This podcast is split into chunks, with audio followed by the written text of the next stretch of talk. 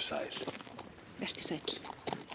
Benedikt Erlingsson, kvikmyndaleikstjóri og framleiðandi verður gestur minn í dag en eins og kunnugt er hefur Benedikt skapað sér sess sem leikari og leikstjóri í leikhúsum en kvikmynd Benedikts Hrossi Oss kom honum á kortið sem einum helsta kvikmyndaleikstjóra landsins.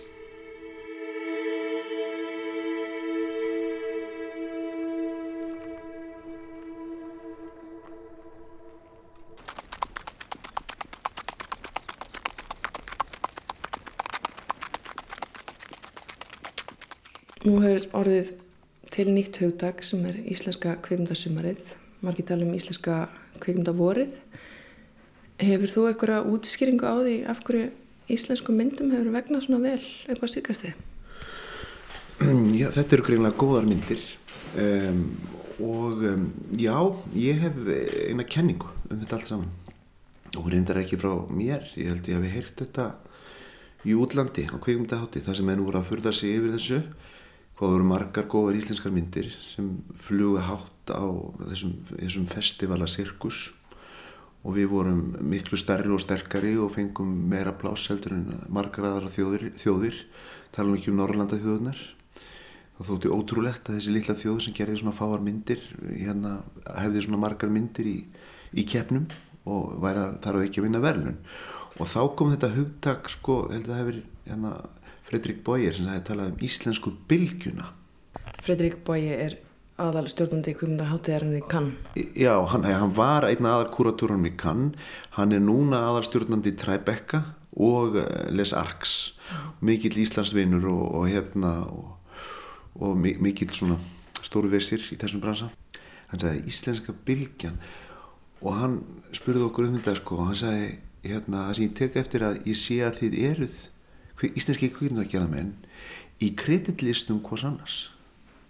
Enda lust hann sér bara einn á þessa sem að þekkir nöfnin á um, í kreditlista hvers annars sko. þannig að og hann fór eitthvað að spyrja okkur út í þetta og ég held að Rúnar Rúnarsson hefði verið þarna líka. Og það komið auðvitað að ljósa við erum lítið samfélag nátengt og það er vinn-vinn situasjón í gangi. Við upplifum okkur að þau einum gengum vel þá er það pluss fyrir alla. Að og ég er persónlega, ég lesa handrit eftir kollega mína ég, ég horf á klipp og þeir sumulegis mín fyrsta mynd það voru, ég var með bæði Rúnar Rúnarsson og Ragnar Bragarsson og Elisabeth Rónaldsdóttur og, og fullt af að, fólki sem kom inn á handristígi, klippistígi um, Lilja styrti myndina og balti lánaði okkur bíl og nafnið sitt og og þannig að er, maður upplifir mikið sko meðal kollegana, mikið stuðning þá sem maður þekkir og hefur samband við og mikið vilja til að hjálpa hvort öðru. Og ég held að þetta eigi við nánast flesta unga kvimleikina menn að við erum samfélag þar sem við, við, við styðjum hvort annað. Og ég held að það, það sé kannski partur af því. Þessi partur af því sko. að það er alltaf góð mórall í gangi. Endur að það sé breytt frá fyrir Nú þekki það nú ekki nógu, vel. Jú, ég ímynda mér ímislegt. Það er oft þannig þegar bransi byrjar þá er samkeppnin hörð og Íslandi var náttúrulega ekki neitt. Það stundur sagt að íslenskir kvíknumegjara menn sem til er að vorinu þá, þeir hafa til þess að geta orðið kvíknumegjara á Íslandi í vorinu þá þeir þurftur helst að hafa gen3. Það er þess að vera glópur, glanni eða glæbun og hérna tvent eða allt eða eitt og við erum kannski komin þanga núna að við þurfum hvorki að vera glópar, glannar eða gleiponar, við getum náttúrulega verið það en, en hérna til að gera mynd hún var slíkt sjóræningja verkefni á sínum tíma, fólk var náttúrulega leggja allt undir og bjóði tjöldum eins og F.F. sæði frá hérna fræðu viðdali þegar hann fekk Óskars tilnefninguna að að gera minn byggju tjaldi að þeir gefi húsi sín og það var svo sem ekkert fjari sanni. Ég sjálfur fór líka þá leið í minni fjármögnun að ég tók svona sensa en en já, kannski kannski ég þekki þetta gegnum leikúsi líka.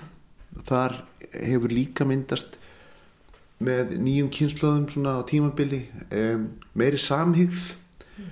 og kannski er þetta þroskamerki, kannski er þetta bara einhver eðlisfræði. Þegar stærð bransans næri einhverju marki þá þá náminn einhvern veginn en, en Fredrik Bóir benti á að þetta var ekki svona í öðrum löndum. Hans að talaði um bæði rúmin og grikki sem, sem, sem stingi konarann í bakki og það getur verið eitthvað kulturelt en, en, en svona gerist menningin. Það gerist, verður til einhver stemning og þá verður til einhverju ávegstir og svo breytist eitthvað og þá allt í nú fattar menn hvað minn höfðu. Svona meir um þig, þú ert náttúrulega lærður leikari og kannski betur þekktur sem leikari eða vast mm. og hefur starfað aðalega sem slíkur þangar til þú byrjar að ja, vinni leikusunum og leikstýra leikusunum og svo mm. byrjar að gera stuttmyndir fyrir ja, hvað mörgum árum Býttu nú við um, ég frumsýndi Nagljan sem var önnur stuttmynd mín 2000, akkurat í hrunnu 2008 og þú komst að mitt á frumsýninguna í Kaupþingi þegar daginn sem Kaupþing hrundi og alla pitsurnar voru borðnar inn í húsið og við vorum beðin um að hafa frumsingapartíð eitthvað starf í bakherbyggi því að bladamenn mátti ekki segja, sjá fólk skála í kampaðinni en það var 2008 svo gerðum við, ég gerði takk fyrir hjálpið þar á undan hvort það var 2006 uh, sem ég gerði með Zigzag. Og svo þar á undan gerði ég sjómarsmynd eftir handriti hennar hafnildar Hagalín. Það var fyrirtæki sem heit Plúton sem framlindi það. Eh, þannig að ég hef verið lengi á leiðinni og ég hef gert ah, kvikmyndahandrit nokkur og, verið á handritnámskeiðum. Norrbæ Nordvest sem var mikið og frábært framtak, evróskir handritsöfundar, mættu amerískum svona handritskúrum og það var alveg ársprogram. Það var mikil, mikil háskóli en ég er auðvitað leikúsmaður og þú kalla mig leikara, ég hef nú eða ekki tekið sjálf mig alvarlega sem leikara í 2 ára tugi, ég kalla mig leikstjóra og er kannski meira unnið þegar upp er staði sem leikstjóri í leikúsi og ég hef líka framleitt síningar ég er náttúrulega framleiðandi kvikmynda minna allra, allra þessar mynda hef ég fjárfist í og framleitt í og, og tekið mér stór uh, framleiðslu kredit sem allt og lítill. Í leikúsinu overlappar þetta allt saman og við erum svona meira generous og líglað með, með kredit okkar í leikúsinu svona okkur veginn. En, en í kvikmyndabransanum er kredit gjaldmiðl sem ég hef lært svona hægt og byttandi og, hérna, og aðgangur að, að auðlendum en já, ég er, og ég er framleiðandi í dag. Og ég er, mér sé alltaf, er ekki bara framleiðandi minna verka, ég ætla líka að taka þátt í framleiðslu annara verka. Og ég er að fara að koma frábæri mynd á koppin á samtónum eftir hann Ara Ergis Magnusson sem heitir Öymingja Ísland Sturlungöld um aldir alda. Og, eh, og svo mynd var nú heldur betur að fá mikið myndefni óvænt til sín núna. En, en svo er ég bara sjálfur með fullt af þannig verkefnum á prjónunum og, og þetta er mína næstu stóru mynd En er þetta eitthvað sér íslenskt að maður þurfi að hafa einhvern veginn hendurnar í öllu, vera framlegandi og leikstjóri og jafnveg leikari? Sko, þetta er náttúrulega bara persónabundið og það er engin, það, það þarf ekkert að vera slúðist. Þetta hendar mjög, mér mjög vel. Þetta er partur af mínu sinni og mínu þörf um, og ég hef mikla reynsla þessu. Ég hef reynsla verkefnastjórn, prótjektum, deadlineum. Ég kann að vinna með mörg element og ólíku fólki og, um, og þetta hendar mér að hafa stjórn og geta ráðið og verið með valdi yfir hvert resursarnir fara. Því oft þarf maður á leiðinni að, að fórna ykkur taka erfiðar ákvarðanir og þá er maður í miklu betri stöðu til þess að geta valið ef maður hefur framlýslu páir um, þannig að þetta snýr þannig persónulega mér. Uh, svo get ég auðvitað að horta okkur íslenska kvíkmyndi að gera sögu þess. Hún er náttúrulega að saga þess að fyrst voru bara engi framleiðendur og, og leikstjórnir þurftu og neittust til þess að vera sín eigin framleiðendur og på gott og ont og líka på gott. Og ég menna þannig eru bara allir íslenski komdilegstjórar frá Ágústi Guðmundssoni Guðni Haldarsdóttir, Ari Kristísson Fririk Þór Fririksson, við getum bara haldið áfram. Og í dag hefur það gerst líka vegna breytt landslags í fjármögnun.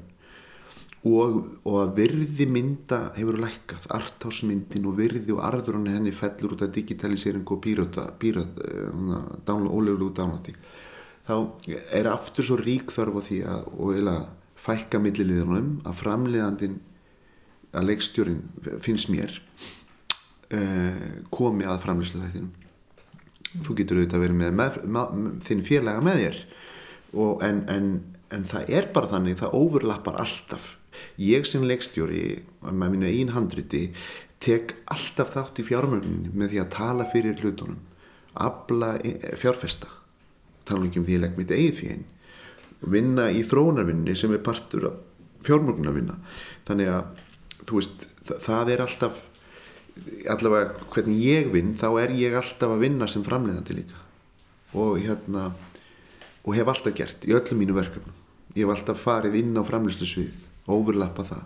Þannig ég þekki þetta, ég veit að þetta er engin gemvísindi þetta er náttúrulega er ákveðin lutur sem með þurfa að kunna og hefur hef á marga fasa. Þetta er náttúrulega bæði hugmyndavinnan þróunin, executionin og svo er þetta sölvaran og eftir og hvernig þú monetæsirir hana. Og það er náttúrulega fyrir inn í alls konar sérþekking sem sumir eru betri í að búa yfir festivalstrategíja og markastrategíja og svo framvegis og, og tengslinn og allt það. Þannig að það er hlut, fullt af hlutum sem, sem er nöðsynlegt að læra. Og ég hef verið svo heppin að með þessari fyrstu mynd ef ég geta afla mér mikillar þekkingar að mér finnst allavega tengsla og möguleika til þess að hérna, að standa mér betur í stikkinu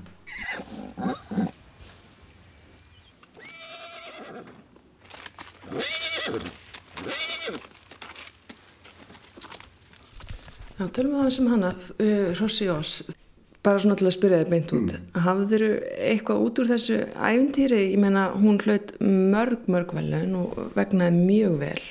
En maður hugsa sko, hvernig græði maður á því að gera bíómynd í dag? Svona arthouse bíómynd eins og Rossi Ós. Mm. Sko, þessi mynd var fjármögnuð mestum lita með, eða sem sagt, íslenska sjónum og svo enga fjárfestum sem, sem um, uh, komu að minni áækjan og komið fyrir sitt fólk sem voru bara englar sem komuð þarna e, fólk sem trúði á trist á mig og kom með lítið fjármark hver og sapn, það sapnaðist saman. Þetta var svona lungin af því hvernig við gerðum þessa mynd.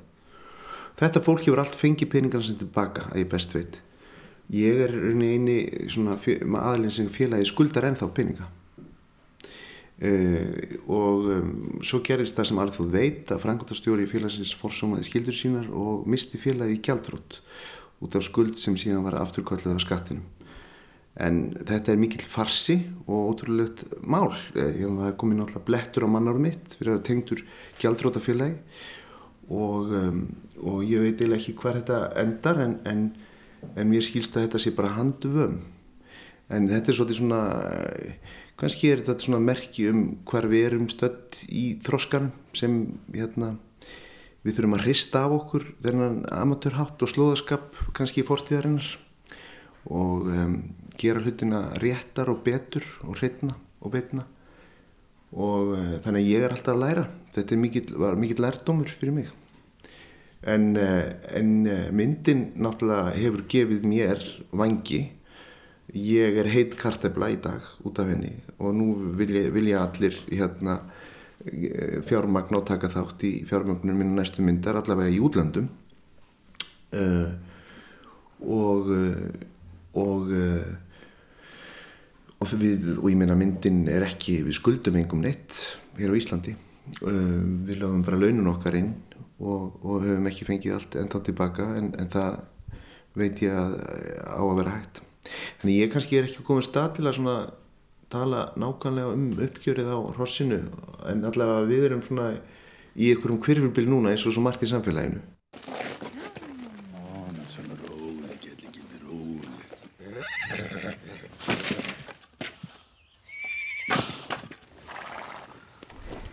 En segð mér aðeins einmitt frá þinni næstu mynd, hvað Já. er í vændum þar?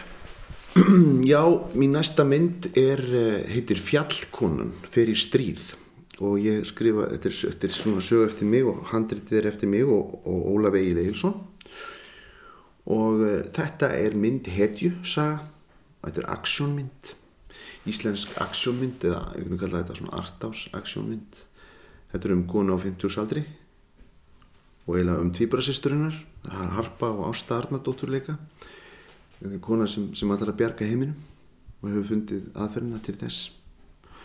Og uh, hún um, gerist sagt, mjög rótækur hérna, skemtaverkamæður og ræðist á bundu kallana.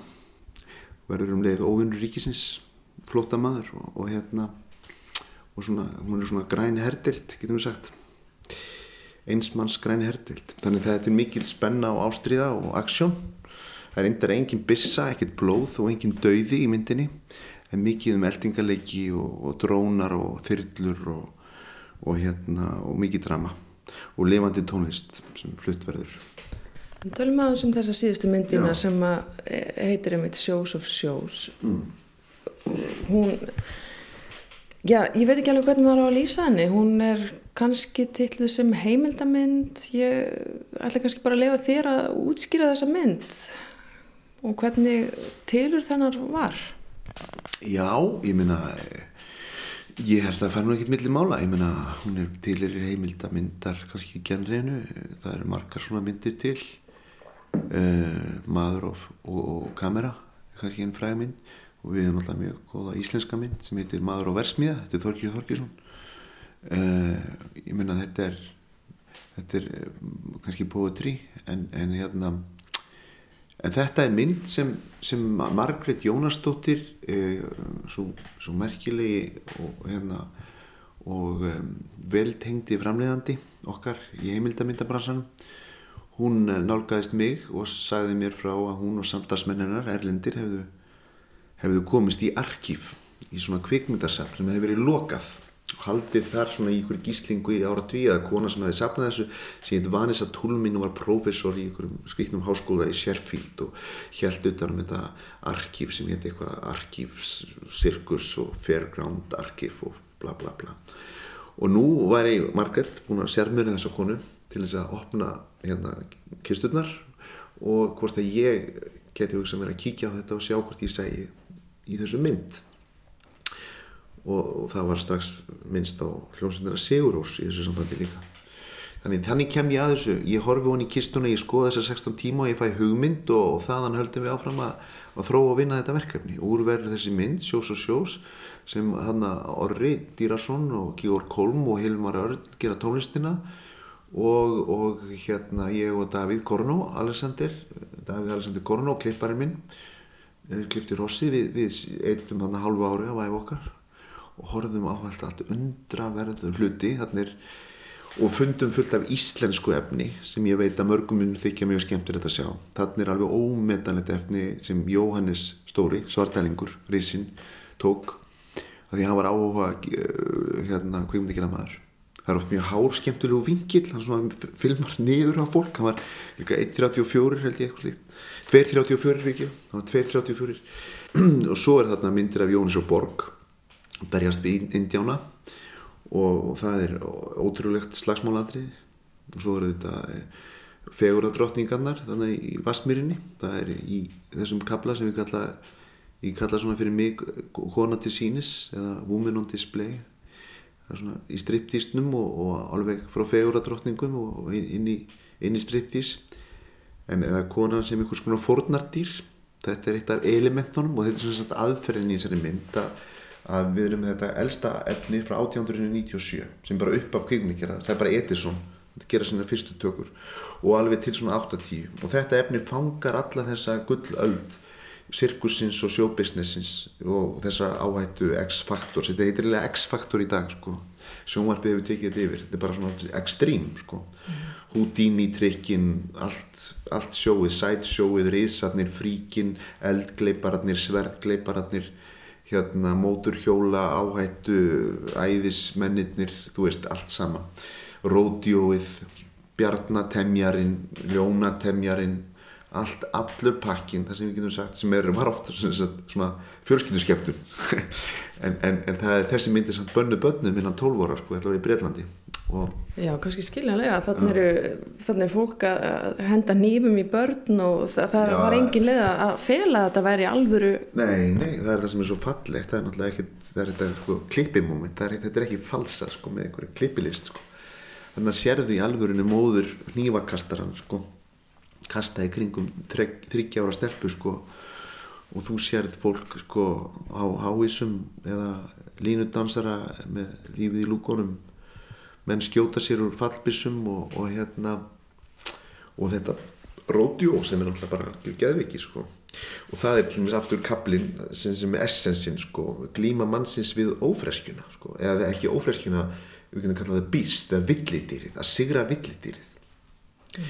Og þegar þú horfir á defni þá sérðu strax sko dramatúrkina fyrst í þáttur hér kemur hertjana og hittir villidýrið og sjáu hvað villidýrið er hættulegt og í þess oft er sko ljónin þetta er náttúrulega maðurinn sem er hann inn í búrinu með þeim maður sem gefur þeim að borða. Þeim langar ekkert að kvæsa á þennan mann. En það er búið að kenna þeim sko að, þú veist að, að sperra klærnar að þessi áttan þess að sína árandum hvað þetta er hættuleg dýr. Svo kemur næsti kafli við getum kallað annan þátt þar sem, sem dýrið er tamið og því, það er svona tuktað í það að hoppa í gegnum ringi og upp á hnalla og, og, og gera alls konar hundi til að loka þáttur að maður er fullkomlega sigra dýri með því að hann kasta sér ekki á því eða á það eða bara rólar sér á því með það í rólu eins og köttur. Hann stingur hustnum inn í kæftin á því skilur og, og raunir allir inn á villidýrið og orðið bara svona heimilusköttur sko. og þessa dramatúrkíu þess, þetta hefur virkað alveg þúsund ár. Og þetta, þetta elskum við að sjá manneskjuna gegn dýrinu og sigra það. Það er líka mitt svo til að verða sínan á móma í lúpu þannig að tengstu við Tribeca hátíðina þannig að ef, ef, ef, ef þú, þú verður ert stödd í, ef þú bregður til New York, ef þú kemst ekki í sambúin þá getur þú farið sagt, til móma í New York og, og séð myndina frá 1 til 6 ég held hún sé síndi í lúpu þar sem hún láti bara ganga bara í hérna, nokkra ringi hún er nefnilega upplötið þess Já, þetta hljóma svolítið eins og, eins og hrossinni mitt, en, en sko þú talar svo mikið um dramaturgíu og þú ert, mm. þú ert mikið fyrir að mér skilst dramaturgíu. Nú ertu að tala um til dæmis einhver brjálu dýr og þú ert búin að gera hrossin sem að sko er kvikmynd raunverulega sem fjallar um hross í aðluturskum. Hvernig tekst þér að samfæra til dæmis kvikmyndamiðstöð og fjárfesta til þess að taka þátt í svona verkefnum sem er ekki með svona kannski beinlinis narratífu eða svona eðlilega frásögn. Þetta er bara eðli mál sem samkvæm glíman í allir kvikmyndigerð og allir sköpun. Það er alltaf þannig. Ef þú vilt gera eitthvað e, þá færðu alltaf e, anstöðu, sérstaklega ef þú ert ekki innan skemans og í kvikmyndagerð hefur við tekið eftir í fólki sérstaklega rætt við variasjónuna og kvikmyndasagan er alveg frábært dæmi um þetta. Hún er bara 100 ára gömul og við sjáum svo mikið minstrið það gerir eitthvað eitthvað og það verður skema og allir verður að kópjara svo býr til eitthvað lilla variasjón og allir verður að búa að hissa og gladir og svo byrjar það að kópjara það og það verður til nýtt skema. Þá mútið að eitthvað byrjar aftur að gera variasjón við það og svo framvegis. Þannig við erum alltaf að glíma við þetta og eðlilega þetta er dýrbransi og í náttúrulega fyrsta mynd auðvitað var þetta absúrt. Ég, ég var hérna með mína fyrstu mynd að karriér minn í leikúsinu hafði ekkert að segja, það er ekkert kredit sem, sem fer þar á milli af einhverjum ástæðum. Um, og menni hérna, mönnum fannst auðvitað þetta mikil áhætta. Mm. uh, bæði fyrsta mynd leikstjóra og svona einhver erfið dýramynd sem henn skildi ekki alveg en, en samt, menn kveikt á henni. Ég menna, bæði Martin Slutur og Kvíkundasjóður þeir kveikt á þessu, þeir skildi þetta og en og menn kvöttu mig virkilega til þess að kannski endur skoða þetta á tífumbili og kannski gera bara litla svona heimilismynd um heimilisókjafi í Reykjavík. Um eitt kalli krísu sem hérna sem var í vondur við eitthvað eða þyrta að læra eitthvað. Komast að því hvaðan hvaðan uh, þyrti í staði fyrir þess að elda það sem hann vildi. En hérna e, og en þetta er það sem við enskum og málið er bara það að gera kvikmynd er svo erfitt og langt verkefni. Þetta er sjóraningja verkefni að þú getur eiginlega ekki sem manneskja sko barist fyrir ykkur nema að þú sko virkilega brennir fyrir efninu og elskir það. Því að þú ert að eigða lífiðinu með þessu, þessari hugmynd sko minnstakosti fimm ár með þetta er sjö ár. Og hérna og svo munum fylgja þér alla æfi þannig að þú veist þetta alltaf gera eitthvað fyrst svona sem ég langar ekki að gera en þá kannski fæ ég að gera það sem ég langar að gera veist, það var kannski ekki bara bóði fyrir mig þegar ég byrjaði að ég var það gammal og, og hérna og ég bara gata ekki ég var að láta sagt, þetta sé steinbörd fæðast mm -hmm. og hérna og þetta er svo sem kostur og lustur sko, en þetta er auðvitað bara glíma manneskunar á svo mörgum plönum mm -hmm.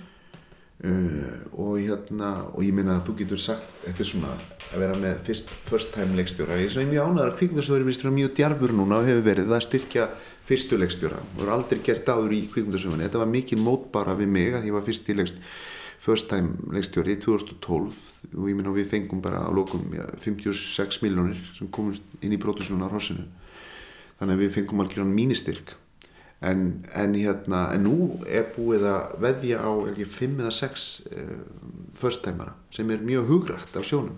En líka mjög áhættu samt og, og, en það verður að taka líka hattin ofan fyrir því alveg, alveg viljanum. En sko förstæmleikstjóri, sérstaklega með óvilja mynd hann er bara svona eins og útgerðamæður sem kemur hérna til fjárfesta og segir, heyrðu ég hef hugmyndum að þarna úti sé fiskur. Og eh, og það er mjög erfitt að veiðan ég þarf að byggja tóra með sérstökum meðfærum og ég ætla að byggja þig um að gefa mig pening til þess að byggja tóran og ráða áhæf og fara þarna út og veiða þennan fisk. Og ég ætla að veiðan og ég held að koma með hann að landi og ég ætla að verka hann og ég, veit ekki en það, ég held trúið líka að það sé til markaður fyrir þennan fisk. Og það er verið hægt að selja hann og þú munir fá peningana tilbaka ég hef aldrei gert þetta aður en uh, viltu gefa mig pening? Eða lána mig pening í það Skilur, þetta er áhættan sem sko enga fjárfyrstir tekur þegar hann setur pening í mynd nýs leikstjóra og hérna ég var það náttúrulega í góðri stöð þetta fólk hafi séð verk mín áður. Ég menna það þekkti mig úr leikúsinu það þekkti mig sem sögumann og það bara til mín personlegt og eða faglegt tröst uh, af því ég hafði eitthvað að sína en sko og það er þetta Cats 22 sem, sem allir ungir kvíkmyndagjara menn hafa, þú færði ekkert nema þú hafi gert eitthvað og þú getur ekki gert neitt nema að fá eitthvað. Þannig að þú ert í þessari glímu og þú þarfst að brjótast í gegnum ísin og þetta er einhver mörg ár. Og ég minna, þú veist, ég veit bara, ég þekki alla, þú veist, þú getur skrifað þessuna mjög dramatíska sögum, hvernig Ragnar Bragarsson var leikstjórið, hvernig Rúnar Rúnarsson var leikstjórið, hvernig, hvernig Grímur Hákánsson var leikstjórið, hvernig Baltasar Kormáko var leikstjórið eða eða Kristín Jóhannesdóttir eða þú veist, það er allir eiga þess að ótrúlegu baráttu sögu að áður þeir fá að verða leikstjórar. Af eitthvað nátt sko. þetta er, þetta er eina stóru lífsglímonum í þessu, þessu að fá að, að beita sér á þessum vettvangi sem þú brennur fyrir. Og að vera kvikmyndarlegstur eitt svona, kannski, eitt svona erfiðast í tröskuldin að fara á. Þetta er bara matur og fakt, svona er þetta bara þá er þetta allt í lagi. Ertu þá meira svona fullfyllt eða sáttari núna þegar þú ert búin að fá að gera þína fyrstu mynd allavega? Nei, núna náttúrulega brenn ég í skinninu þegar ég gera mína næstu mynd sem er náttúrulega á að bjarga heiminum mm. og ég, var, ég er í þeirri mjög skrítnu stöðu að, að ég er semst framleiðandi þeirra myndar og samt uh, félagi mínum og, aðan meðframleiðanda Marianne Slott sem ger á Slottmassin, mjög öflugt franst fyrirtæki og svo í samstarfi líka aðra íslenska meðframleiðandur og ég er með handrit sem og þó ég sé ánaði með mig og orðið Norrlandamistarinn þá fekk ég samt ney frá kvimtusjóði fyrir 2016 þeir sem sagt uh, þeim tóst ekki, vildu ekki veðja á mig og, og ég þess að verða að býða til 2017 og, og mun þá gera myndin annarkvort með þeim eða án þeirra. Mm. en, en það er mikill gangur í, í fjármögnum, ég var að fá stóra fréttir í gær um, um hérna um að við fengum stóra styrk, stóra styrk annan styrki sem við fáum frá franska sjóðunum, CNC og við erum komið með mjög, við erum komið með dreifara og við erum búin að selja hérna videoréttin og við erum komið með sendrópa með okkur í lið og þannig það er það er, það er, það er, allt annað eldur en í rossinu, þar vildi heimurinn ekki vera með okkur. Og við þurftum að gera þetta úr asvarsanum við og frikki. Og nú, nú er vildi heimurinn vera með okkur. En er þetta ekki hansi flókið svona dæmi þegar þið er að fá styrki erlendis frá er þetta ekki svolítið þannig að þið þurfum að fá talenda frá viðkomandi landi? Jú, þetta er semst, staðan í dag semst, mótelið er svona þú, þess að vera bankabúleikstjóri þetta gerir eitthvað eh, sko handritið íslenski sjóðurinn er bara kannski eitt þriðji, kannski helmingurinn af fjármjögunni með kannski 20% þannig að þú ert alltaf að búa til helmingi meiri pening og, og, og hérna þannig að þú þarf ekki bara að vera þurfið treyst í litla potlinum hér þú þarf til að vera treyst í stóra potlinum þannig úti. Og hérna og þannig að þetta er svolítið svona skemmtilegt verkefni. Það er þess vegna sem kvikmyndagjari er svona hefur svona fín og mikil afleita áhrif á Íslandi að því að þú veist fyrir hverja krónu sem e, þið skattborgararnir leggið í myndina mína þá fæ ég aðra krónu ef ekki tvær frá útlöndum. Og öllum þessum tremu krónum mun ég eigða á Íslandi og, og að, að mestu. Já, það er reyndar hluta af þessum kannski sumir þessi peningar eru eirnamertir reyndar þannig maður þarf að eida þeim eitthvað í útlöndum. En í stóra samíkjunu þá komum við alltaf ríkið alltaf í pluss eða íslenskt efnastíf alltaf í pluss en, en þetta er flókin framkvæmt hún krefst sérþekkingar að raða saman alþjóðleiri fjármögnun eftir stórmynd upp á 300 miljónir og hún krefst fagmennsku á allum sviðum. Og það er náttúrulega glíma við þetta. Þegar við erum svolítið svona ennþá hérna, ekki nógu reynd í þessu. Mm -hmm. uh, og þá er ég bara umhverfi hér. Það er mjög hættulegt og erfitt fyrir svona vinnu þegar, þegar um, bara tíma uh, takmörkum er, er, er, er farið yfir þær í allum svörum og svona fyrir, frá kvímundarsjóði sem eru auðvitað undirmannaður og, og á, í erfileikum með kannski að anna hlutunum það getur verið alveg ríkalegt fyrir svona verkefni sem, sem fær ekki svör, hvorki af eða á fyrir deadline, þá, þá hrýnur ykkur spilabók sem búið að setja upp og svo framvegs Já, þannig að þetta er mikið drama í þessu, taland um dramatúrkju vera, þá er þetta líka dramatúrkja Já, þú hefur verið hansi heitur í þessari umræðu og, og list nú heldur betur í þér heyra hérna, mm. þegar þú hlust kvikmyndaverlun Norðurlandaráðs mm. fyrir Fossiós mm. Þarna voru mættir ráð þeirrar meðal annars Ylvi Gunnarsson menta og menningamálar á þeirra og þú gaggrindi það að framlög hefði lækkað til kvikmyndamiðstöðar Íslands uh, þrátt fyrir þetta blóma skeið sem ríkir í íslenskri kvikmyndagerð ertu Ertu reyður? Ég, ég, ég upplýði mig bara mjög kurtisan og elskulegan og ég upplýði mig ekki eins og í gaggrína. Ég baði bara að, að fólkum aðstofa mig að tala við þessast íslensku stjórnmálamenn og, og hérna segja þeim frá gildi þess að, að styrkja kvíkmyndir. Til þess að skrifa skinnhandrit þá þurftum menn að slátra gú og verka skinnið. Og þannig að, að í uppsyklingu er að því við höfum svo mjög talent af einhverjum ástæðum. Þá höfum við svo talent af mjög söguminn og hérna og það er alveg stórkoslegt það er alveg júnik og ég held að mér átti sig ekki á því sko, hvað, hvað það er ótrúlegt og þykir merkilegt hvað margir flottir, ungir kvikmyndagerðamenn og konur er að koma frá Íslandi og hvað mikið þetta og hvað það er mikið menningalegt skemdaverk fyrir okkur ef þetta fólk fær ekki svona einhver tækifæri.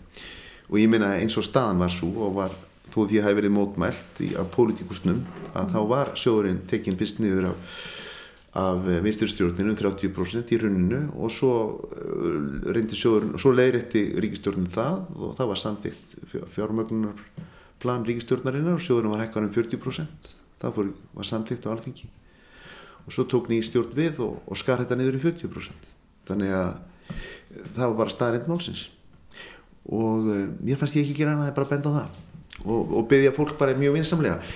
Þetta var auðvitað óhefilegt fyrir hérna páfugluna eh, það var kannski, þeir mista partíinu. En mér fannst þeir einhvern veginn ekki eiga þetta partí skilið og óþægilegt að, fyrir mig að, að, að leifa þessum hérna, montunum að veifa okkar fjöðrum þegar þeir höfðu, höfðu svo sannlega ekki hérna, komið þar á neitt nátt að máli. En af hverju heldur þau að það sé svona erfitt að samfæra fólkum að þetta sé arbær starfsemi þar sem að þú hefur nú kannski kunnátt á Danmörku sem að byrjaði á þessu fyrir 20 árum síðan. sko, en arðurinn er kultur, við, við erum alltaf mikið að tala um peninga þetta er, svona, þetta er bara svona þetta er bara lítið reynist við þurfum ekki að rífast lengur um það. Það sem við höfum alltaf að tala um er sko, hvaða gildi hefur eh, velhefnið íslensk kveikmynd sem hvort sem hún tekur 20.000 manns eða 40.000 manns eða 70.000 manns Veist, hvaða gildi hefur uh, veist, listin, menningin, sögumennskan auðvitað eru til vondarmyndir og góðarmyndir en þú veist og, og sumarmyndir eru sterkari og hafa meira að segja og hafa áhrif á gildismat og smekk og referens og svona veist saman allt þetta býr þetta til sko menninguna. Og menningin er að reyna mann okkur og gefur okkur, þú veist og við náttúrulega finnum það núna að að eina jákvæða sem hugsaðum okkur í umveiminum það tengist menningu, tónlist, myndlist kvikmyndum, því að við erum alltaf með beran rassin framann í alþjóð eh, núna og, og hérna eftir síðustu glóriur um, þannig að hérna það er gengið á það kultúrulega kapital sem menningin hefur skapað og, og það eru þessir njólar þannig það, það vilst bara stundum viðbrenna að þeir sem hafa áhuga á valdi og pólitík eh, virðast vera pleppar og þetta virðist að vera svolítið svona viðbrennandi svona í, í okkar, okkar sögu og, hérna, og með þó stórgúslegum undantekningum. Hugsið ykkur besta, besta dæmi er Gilvið Þótt Gilvason ég meina hugsið ykkur bara þessi, þessa, þessi lög sem hann setur um aðkomu ríkis að tónlistaskólum þar sem ríki borga eitt þriðja sveitafélag eitt þriðja og eitt þriðja fjármagnar þetta er grunnurinn að tónlistabildingun á Íslandi sem er júning þarna getur mann séð samengið hvernig hlutur sem gerður eitthvað, ég veit ekki hvort þið var að gera 70 eitthvað og, og hvað, hvað kemur út úr þessu? Og þannig að þetta er að fjárfest í menningu og þannig að þetta er gífuleg fjárfesting inn í framtíðina. Já, þú talar um sko pólitíkusa og þeir sem fara með völdin og þeir sem kannski fá aukin völd, þetta stýgur þeim kannski til höfus, hvað með þig og þín velun, hefur þetta aldrei stíðið til höfus, varst aldrei orðin of góður með sjálfa þig? Mamma mín, hún eh, hérna, kendi mér tvent í þessu samviki sem ég hugsa mikið um og ég veit ekki hvort ég hafi tekið það raunverulega til mín. Fyrsta lagi var það sem var hættulegast í listum var ég success vegna þess að þar verður til beturðinn og, og samkeppninn og, og allir vilja eiga meira í successunum en kannski, eða allir finnst þér eiga meira í successunum eh, það, það, það geta allir verið vinir eftir fíaskóið. Þá, þá hlaupum við öll burt glöð frá því. En eitthvað verður success og það er með að koma peningar. Þá byrjar hættan á vinsleitunum og, og átökunum. Og þetta er bara svona eðlimannsins þetta þarf maður að vera mjög meðvindarum og mjög hættulegt. Og næsti óvinnur eða, og svo, svo kom hitt. Eini óvinnur listamannsins er biturleikin hérna því hann, hann stoppar flæðið sko og, og hérna þannig að þetta er svo sem ágætt að hafa en varandi verðlun og svona ég er náttúrulega hefur verið kallaður svona verðlunagrís í leikúsinu áður, ég veit að því kvikum ekki að mér vitið ekki en ég var í leikúsinu líka verðlunaður þvers og kruss. Og fannst það óskaplega ánægilegt og var gladur og þakkláttur fyrir það við byggum til þessa grímu á sínum tíma sem átti nú bara að vera lítið leikús fyrir alþjóð til þess að fá slott í sjónvarpinu að því leikúsmennu uppvölduð að sjónvarpið okkar íslenska hefði svo lítið áhuga á leikúsi og fjallaði svo lítið um það og menn held að með því að búa til svona Óskarskópju þá fengjum við allavega slott og getum kynnt leikárið. Og þannig samtíktu leikúsmenn þess að þennan heguma að fara í þetta leikrit. En gríman náttúrulega er um leið hún, hún snertir mannlegt eðli og viðkynninga þörf okkar. Þannig að þó að við höfum klappað brosa saman eftir fyrsta árið og fundist það fyndið og spennandi og já já þú fyrst þetta og eitt og þá næsta ár þá þá var byrjaði strax að heyrast býtu já skrítið, hann var tilnæmt og hann fekk velun ekki þessi og, og svo þriðja árið var bara hvernig gengur, þetta gengur ekki hann fekk velun og allt í hennu var þetta allt í hennu logandi og allt í hennu skipti, allt í hennu gríman var þetta eitthvað svona stimpit sem bara fór að skapa leiklistasöguna. Og, og þetta er svolítið sorglegt, þetta er reyðilega svolítið rátt þannig að við byggum til tækir til þess að fá aðtikli og tækið byrjaði að hafa áhrif á okkur af því að það nertir grunnþörf okkar viðkenningakvöti og ég hef náttúrulega, þú veist, mér getur sagt að ég sé hérna lökkuna pannfýtt því að ég get ekki hvarta yfir því að, að verk mín hafa notið aðtikli og þeim ég hef hlotið viðkenningar og hérna mikið af þeim. Þannig að ég, ég upplýð mig að ég, fólk sér mig eins og lítið bann mm. horða á mig pappi, sjáðu mig mamma ég, ég fæ allavega hérna, einhver aðdegli og, og hérna þannig að ég, ég er allavega ég þarf ekki að vera bitur yfir því. En þetta er náttúrulega í kvikmyndasamingi bara stimplar. Verðlun er bara aðferð til þess að velja úr öllum móðinu og málið er það að það er eitthvað sem er alltaf drukna í dag í þessu mold viðru og framleiðslu að skemmti efni ég meina, þú veist það er svo mikið framleitt af kvikmyndum og alls konar myndum og þessu dælist út úr bara þessari maskinu hvað sem er mainstream eða art á sjónvarp eða hvað sem er þetta hlæðist upp og fólk veit ekkert hvað það að velja og þess vegna eru verðlunin búin til, þau eru eins og lítið merki og þetta er kannski einhvers virð að sjá eða mm -hmm. að því að aðal áhættan sem fólk tekur í dag er eiginlega bara allir að eða tveimur tímum af lífi mínu með þessu fyrirbæri mm -hmm. En svona lókum að því að þú ert nú kannski búin að feta ansi langa leið að sagt, kvik mynda leikstjórastólnum, þú har gert ímislegt á þur og kannski langa óvinnilega leið. Eh, heldur að þú eigir þér eitthvað svona sér enkenni sem leikstjóri?